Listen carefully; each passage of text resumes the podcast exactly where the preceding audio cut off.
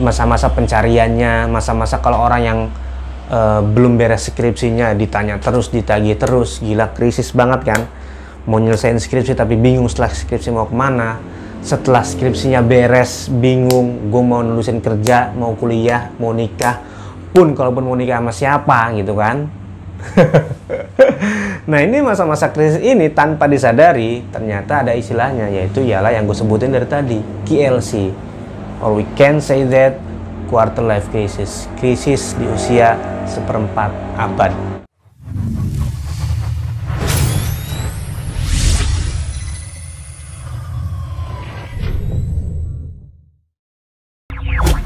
Assalamualaikum warahmatullahi wabarakatuh. Wes.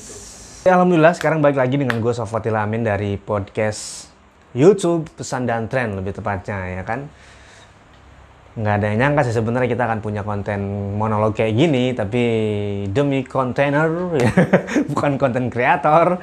Karena tuntutan menjadi kontainer atau konten kreator tidak bisa terbendung lagi ya kan? Di kepala sudah membuncah-buncah idenya. Yang monolog udah ada yang monolog. Oh iya yang monolog udah ada laba-laba kan? ya. oh iya bener ya. Beberapa bulan yang lalu ya gue coba untuk merefresh untuk tetap sharing tapi kalau untuk channel pesan dan tren gue rasa ya kita kan bahas semua hal lah yang mudah-mudahan sih bisa bisa dibagi pesannya, bisa diambil trennya, bisa diambil juga pelajarannya kalau ada. Oke, kali ini kita akan bahas soal quarter life crisis. Jadi buat kalian yang baru denger tapi mudah-mudahan sih ini ini salah mudah-mudahan sih dugaan gue salah tapi mudah-mudahan dugaan gue salah dan mudah-mudahan semuanya sudah mendengar istilah ini. Gitu. Jadi quarter life crisis adalah krisis usia seperempat abad. Jadi ya dari namanya aja krisis kan. Krisis gitu, masa kebingungan, masa kebimbangan di usia seperempat abad. Yang mana artinya adalah di usia antara 20 sampai eh, 30 tahun. Hmm, gue paham betul ini klasik. Gue sadar betul ini sudah banyak yang bahas di konten-konten lain, channel-channel lain. Tapi gue harap dengan gue unggah di konten ini atau di channel ini, persebaran pengetahuannya lebih luas. Ya meskipun penonton kita nggak banyak. Tapi udah persebaran lebih luas dan mungkin katakanlah e, meraih atau juga bisa didengarkan oleh mereka-mereka yang siapa tahu tidak mendengarkan channel lain, tapi cuma mendengarkan di pesan dan tren. Nah mudah-mudahan kalian jadi tahu. Jadi gue akan mulai hmm, pembahasan tentang quarter life crisis ini akan gue tarik ulur dulu di jadi pertama ditemukan oleh bukan ditemukan bahasanya uh, penelitian mengenai KLC ini kita singkat aja biar enak ya bukan ILC jadi uh, eh, KLC ini pertama kali diungkapkan oleh Robinson di tahun 2001 why? Kenapa gue tahu ini? Karena kebetulan uh, tesis gue tentang quarter life crisis atau KLC ini atau mungkin teman-teman punya referensi lain atau mungkin referensi belum belum belum terjamah oleh jelajah literasi gue ya bisa komen nanti kita bisa sharing masing-masing. Tapi yang gue tahu pertama kali e, dibahas tentang quarter life crisis atau penelitian yang membahas pertama kali adalah oleh Robinson. Di tahun 2001 dia coba untuk survei dia coba untuk melihat dia coba untuk e, terjun langsung membandingkan mereka-mereka yang alumni uh, atau fresh graduate dari salah satu universitas dengan background pendidikan dan background yang tidak pendidikan. Ya bisa lu baca sendiri lah untuk penelitian itu ya kan. Nah tapi yang akan gue bahas saat ini adalah kaitannya dengan kita. Kaitannya dengan kita sebagai pemuda, kita sebagai bagian dari penerus estafet uh, orang-orang terdahulu kita, yaitu adalah pemuda Islam. Nah, apa itu KLC dan kenapa gue bahas di sini? Pertama, KLC adalah masa bimbang. Jadi kalau dalam ilmu psikologi, dalam ilmu uh, teori perkembangan psikologi, di masa remaja orang biasanya mengalami yang disebut dengan storm and drang. Jadi badai mabuk. Bisa dibayangin gak sih? Ya badai, ya mabuk kan.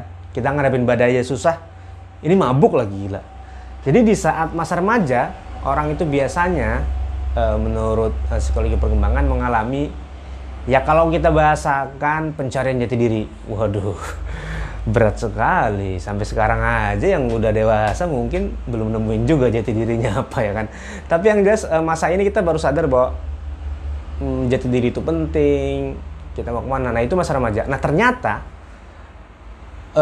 kadang-kadang kita cuma concern pada masa-masa transisi yang terlihat uh, physically gitu dalam artian uh, pertumbuhan usia nah ternyata masa-masa krisis ini juga ada setelah kita mengalami usia, di rentang usia menurut Theo Robinson, orang yang mengalami KLC ini adalah di usia 20 sampai 30 tahun. Pasti dong nanya-nanya, kenapa? Kenapa orang di usia 20-30 tahun? Bukankah di usia itu orang sudah banyak bergaul? Ya kan pertanyaannya. Bukankah di usia itu biasanya orang-orang sudah uh, concern atau paling enggak di Indonesia di yang kita alami sendiri sudah katakanlah kuliah di semester sekian, bukankah seharusnya sudah tenang? Oh tidak. Justru menurut teori yang gue baca, di usia ini biasanya orang mengalami dua transisi sekaligus. Yang pertama adalah transisi usia tentu aja, usia terus bertambah. Yang kedua adalah transisi tempat.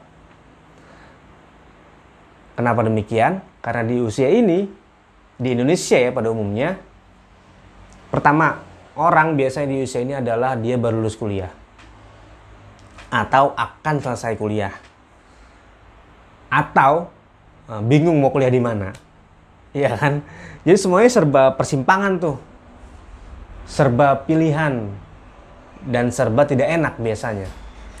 Buat orang yang belum kuliah mungkin dia kesalah jurusan. Buat orang yang udah lulus kuliah setelah ini gue ngapain ya gitu? Kuliahnya jurusan A uh, ternyata di luar dugaan Eh, cara hidup, pola hidup, kemudian juga persaingan pasar katakanlah, kemudian juga hmm, persaingan dalam hal ekonomi ternyata gila ketat banget gitu. Nah orang-orang kaget tuh di masa-masa itu gitu, di usia-usia 20 sampai 30 tahun gitu. Masa-masa pencariannya, masa-masa kalau orang yang uh, belum beres skripsinya ditanya terus, ditagih terus, gila krisis banget kan. Mau nyelesain skripsi tapi bingung setelah skripsi mau ke mana setelah skripsinya beres bingung gue mau nulisin kerja mau kuliah mau nikah pun kalaupun mau nikah sama siapa gitu kan nah ini masa-masa krisis ini tanpa disadari ternyata ada istilahnya yaitu ialah yang gue sebutin dari tadi KLC or we can say that quarter life crisis krisis di usia seperempat abad. Menakutkan banget. Menakutkan? Iya sangat menakutkan. Nah kenapa orang-orang sampai akhirnya tidak menyadari kalau dia sedang mengalami quarter life crisis?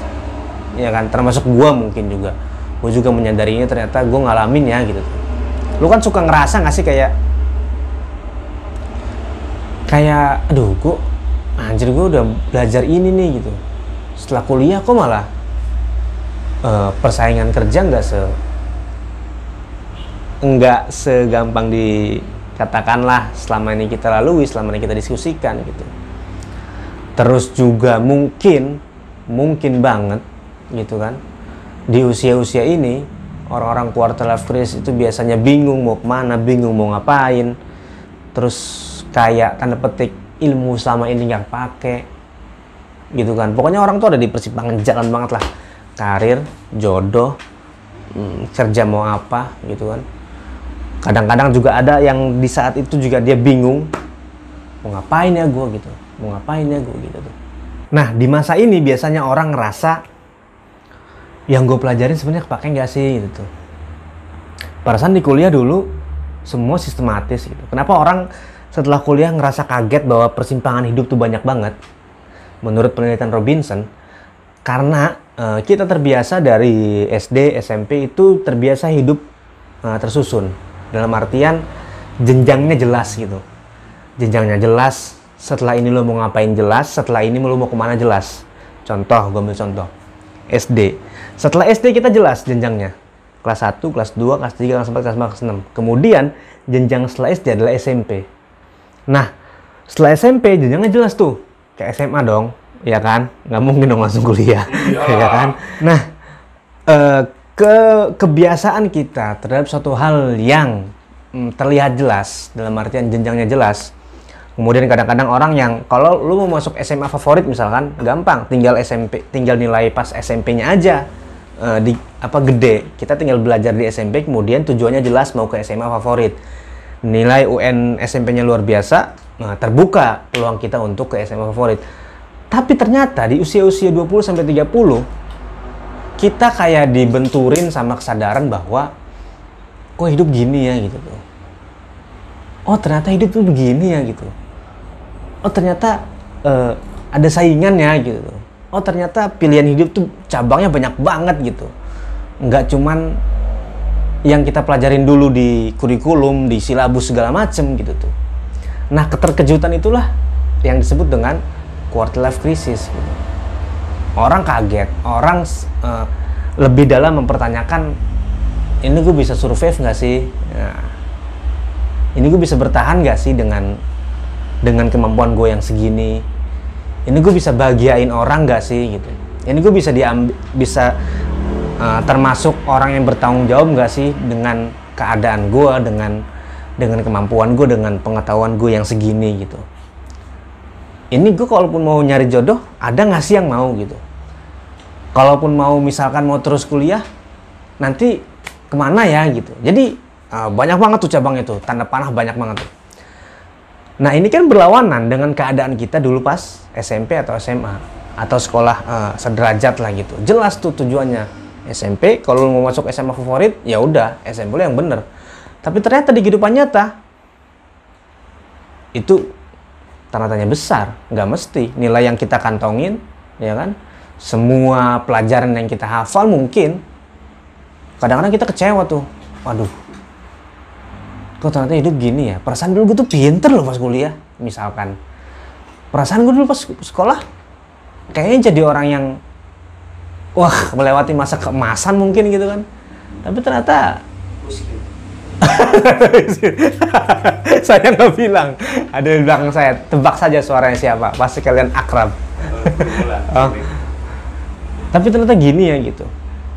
Nah sadar nggak sadar ternyata gue pun ngalamin itu biasalah karena kita punya keresahan masing-masing kan. Jadi uh, pertanyaan selanjutnya adalah uh, seberapa banyak pun bekal kita, kadang-kadang pertanyaan selanjutnya adalah lu bisa apa gitu. Ya kan? Nah, masa-masa ini disebut dengan quarter life crisis gitu. Lu bisa survive enggak, lu bisa bahagiain orang enggak, lu bisa ngapain sih gitu. Hidup ini oh gini, kayaknya lu ngamun aja gitu kan perasaan bakal gue udah banyak. Nah, hal seperti itu disebut Robinson dengan quarter life crisis. Yang mana kalau di bahasa Indonesia kan adalah krisis usia seperempat abad. Nah, gue akan bedah kenapa orang bisa mengalami quarter life crisis itu. Ya meskipun emang nggak semua orang alami itu kan. Mungkin orang udah saking sibuknya dari muda, akhirnya melewati masa itu kan. Tapi mungkin itu hanya soal waktu aja sih. Jadi kalau urutan hidup, kalau menurut gue ya, kalau urutan hidup itu adalah 1 sampai 10, orang bisa ngelewatin masa itu 1 sampai 10 berurutan, bisa. Tapi ada juga yang mungkin dia 1 2 7 9. Jadi ketik jadi dia mau melewati masa 3 4 5 itu nanti di depan. Eh, cuma beda beda timing aja gitu.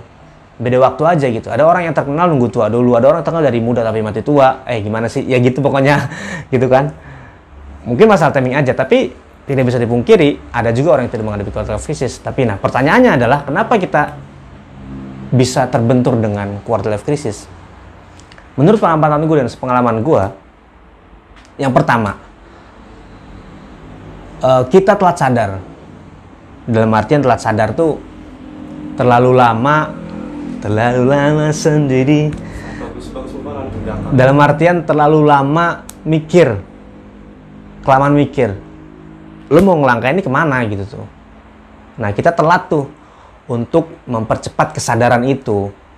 Karena kalau di usia gue pernah dengar satu orang yang pernah bilang tapi gue lupa siapa namanya. Kalau di usia 40 atau usia 30 ke atas lo mau hidup lo udah tenang maksud gue tenang tuh dalam artian udah bener-bener bisa berdiri atas kaki sendiri ya itu jatuh bangunnya dimulai di usia 20 itu gitu. Di masa-masa usia krisis itu gitu. Nah itu telat sadar Solusinya gimana? Percepat kesadaran itu. Kita mau ke mana? E, perbanyak ketemu orang. Bahkan kalau di luar negeri ada istilahnya sosok ngutip luar negeri lupa kan namanya uh, 30 days of lunch jadi kalau kalau orang luar negeri itu bahkan dia di program tuh makan siang hari pertama sama siapa jadi dia tuh nyari orang terkenal makan siang hari pertama sama si A, sama si B, sama si C gitu bukan tujuannya makan siang tapi untuk menambah hasil pengetahuan gitu. Bukan kita minta traktir sama orang terkenal bukan. Tapi setiap setiap kali dia ngajak orang terkenal itu makan siang tentu kan banyak ilmu yang dia ambil gitu banyak ilmu yang dia curi. Kayak kita aja sih lagi makan sama salah satu oh, apa namanya cendekiawan mungkin atau ulama mungkin. Itu bisa kita curi tuh bisa kita gali. Ya itu kan kalau orang luar negeri ya gue tahu. Itu butuh modal saya tahu bukan dalam artian gue nyaranin untuk meneraktir sebanyak orang kemudian kita bangkrut gitu. Nggak bisa gitu juga dong. Sesuai dengan kemampuan. Contoh contoh nah itu dia mempercepat kita mau apa gitu. Ya mas ini sih sebenarnya sebagai pengingat gue aja kan. Kemudian itu yang pertama. Nah yang kedua kalau menurut gue adalah kita nggak realistis. Dalam artian nggak realistis itu ya kalau kata orang kan mimpi boleh setinggi langit gitu tapi pastiin. Kita bisa ngejangkau langit gitu tuh maksudnya. Nah eh, ketidakrealistisan itu disebabkan biasanya kadang-kadang kita uh, punya kemampuannya apa pengen jadinya apa gitu tuh. Itu sih nggak apa-apa satu sisi tapi semakin kita bisa mendekatkan dalam artian memperpendek jarak antara keinginan sama kemampuan itu rasanya kalau menurut gua itu kita bisa lebih logis gitu bisa lebih apa ya namanya bisa lebih diperhitungkan uh, pencapaiannya. Bisa lebih hmm, kita sebagai manusia bisa lebih dipertanggungjawabkan gitu. Jadi ketika mau ditanya mau apa oh iya kemampuan lu juga pas gitu. Artinya lurus lah gitu, linear lah katakanlah gitu. Nah kalau menurut gue dari penyampaian gue yang tadi uh, ada dua apa ya nggak tips juga sih karena gue juga masih dalam kondisi krisis juga sebenarnya nih krisis identitas nggak lah seenggaknya gue pengen berbagi ada dua hal yang bisa kita pertimbangkan untuk dilakukan yang pertama yang udah gue sebut tadi adalah percepat kesadaran kita mau apa mau ngapain dan lain sebagainya karena waktu terus berlalu, umur terus bertambah. Yang kedua adalah uh, pastiin kita adalah orang-orang yang realistis. Artinya ketika kita mau, ketika kita punya kemampuan A, B, C dan lain sebagainya, gitu kan, apa pun itu, it's okay. Nah, pakai itu, jadikan itu senjata untuk kita uh, mencapai tujuan itu. Ya lagi-lagi ini hanya soal teori, masalah pelaksanaan kan kita punya punya permasalahan, punya latar belakang masing-masing, punya kemampuan masing-masing. Nah itu uh, biarkan mengalir, tapi yang jelas adalah doing something. Ketika kita mutusin, ini bukan hanya berlaku untuk orang-orang yang mungkin uh, bingung ketika dia mau kerja apa segala macam. Tapi ketika kita mutusin, misalkan uh, satu tahun adalah kerja, ya udah. Uh, menurut gue yang penting satu tahun itu nggak kebuang sia-sia gitu. Apa pun mau kita hanya belajar menjadi uh, apa yang namanya uh, pelayan dan sebagainya menurut gue itu adalah uh, jauh lebih baik dan jauh lebih uh, luar biasa karena setahun itu uh, bisa kita gantikan dengan uh, pengalaman yang mungkin di tahun berikutnya nggak bakal kita dapat gitu. Nah itu jadi yang pertama adalah percepat uh, percepat keinginan lo, percepat kesadaran untuk menjadi apa. Kemudian yang kedua adalah uh, realistis. Kenapa harus realistis? Karena kadang-kadang akhirnya kita ngelakuin semua hal karena tanda petik tuntutan gitu tuh ya tidak banyak uh, tidak sedikit sih orang yang bisa bisa menjajaki suatu pencapaian karena tuntutan nggak sedikit. Uh, tapi kalau memang lo bisa mengekspresikan diri lo di luar tuntutan itu di luar um, keinginan orang lain itu ya it's okay kan? Yang penting kan kita um, bisa mempertanggungjawabkannya gitu tuh. Nah, itu dia untuk uh, quarter life crisis. Jadi kalau pertanyaannya quarter life crisis, uh, krisis itu bisa iya, bisa tidak. Tapi gue bisa simpulkan kalau uh, di dulunya kita mengisi hal-hal yang yang semestinya, gue yakinin sih itu bisa bisa terlewati. Bahkan orang bisa tidak melalui kekrisisan itu atau kegambangan hidup itu gitu tuh masalah keluarga krisis memang Jadi kalau pertanyaannya quarter life crisis, sekrisis itukah? Hmm, menurut gua tergantung persiapan yang lo lakuin gitu. Tergantung kesadaran, tergantung percepatan lo untuk untuk uh, melakukan sesuatu gitu. Jadi kalau kata orang kalau terus kalau kita krisis gimana dong? Kita kan bingung mau ngapain, mau ngapain segala macem. Uh, di waktu itu juga ketika kebingungan lo daripada waktu lo dihabiskan untuk bingung, mendingan kita ngelangkah kan, meskipun salah, it's okay, ya kan? Kalau salah pun dapat satu kan palanya ya. Apalagi benar gitu kan, yang berarti kan ikhtiar. Wah. Tapi memang di usia-usia 20-30 dalam Islam pun juga usia-usia sangat produktif kan ya. Eh banyak lah eh, literatur-literatur yang kita baca tentang keagungan pemuda, tentang pengaruhnya pemuda, uh, nahwal mujtama gitu terhadap masyarakat gitu. Jadi memang di usia-usia ini adalah usia-usia uh, yang sangat uh, produktif kan. Jadi itu soal quarter life crisis tidak sekrisis yang kita bayangkan. Asalkan itu tadi yang pengen gue share, yang pengen gue bagi. Jadi mudah-mudahan uh, yang sedang menghadapi quarter life crisis nggak hanya soal karir, nggak hanya soal katakanlah uh, pencapaian, tapi juga soal hubungan juga, soal relasi juga, soal support system kita juga, soal keluarga kita juga ngedukung apa enggak segala macam itu juga menurut gue termasuk masa-masa quarter life crisis yang harus kita lewatin gitu. Jadi itu aja krisis seperempat abad yang pengen gue bahas. Kalau teman-teman punya referensi lain tentang quarter life crisis itu apa dan lain sebagainya silakan nggak apa-apa. Mungkin juga ada hal yang belum belum uh, kesampaian gue baca atau juga atau juga ada hal yang mungkin uh, teorinya atau mungkin menurut para ahlinya juga ada yang lain silahkan karena kita di sini untuk berbagi berbagi dan coba untuk memanfaatkan waktu jadi gitu aja dari gua mudah-mudahan lu pada yang di usia 20-30 tahun selesai dengan kekrisisan dalam diri tapi yang jelas jawaban dari itu semua tetap ada pada diri kita sendiri dan sejauh mana keinginan kita untuk mengubah diri kita sendiri Gitu aja dari gua. Safatil Amin. Assalamualaikum warahmatullahi wabarakatuh.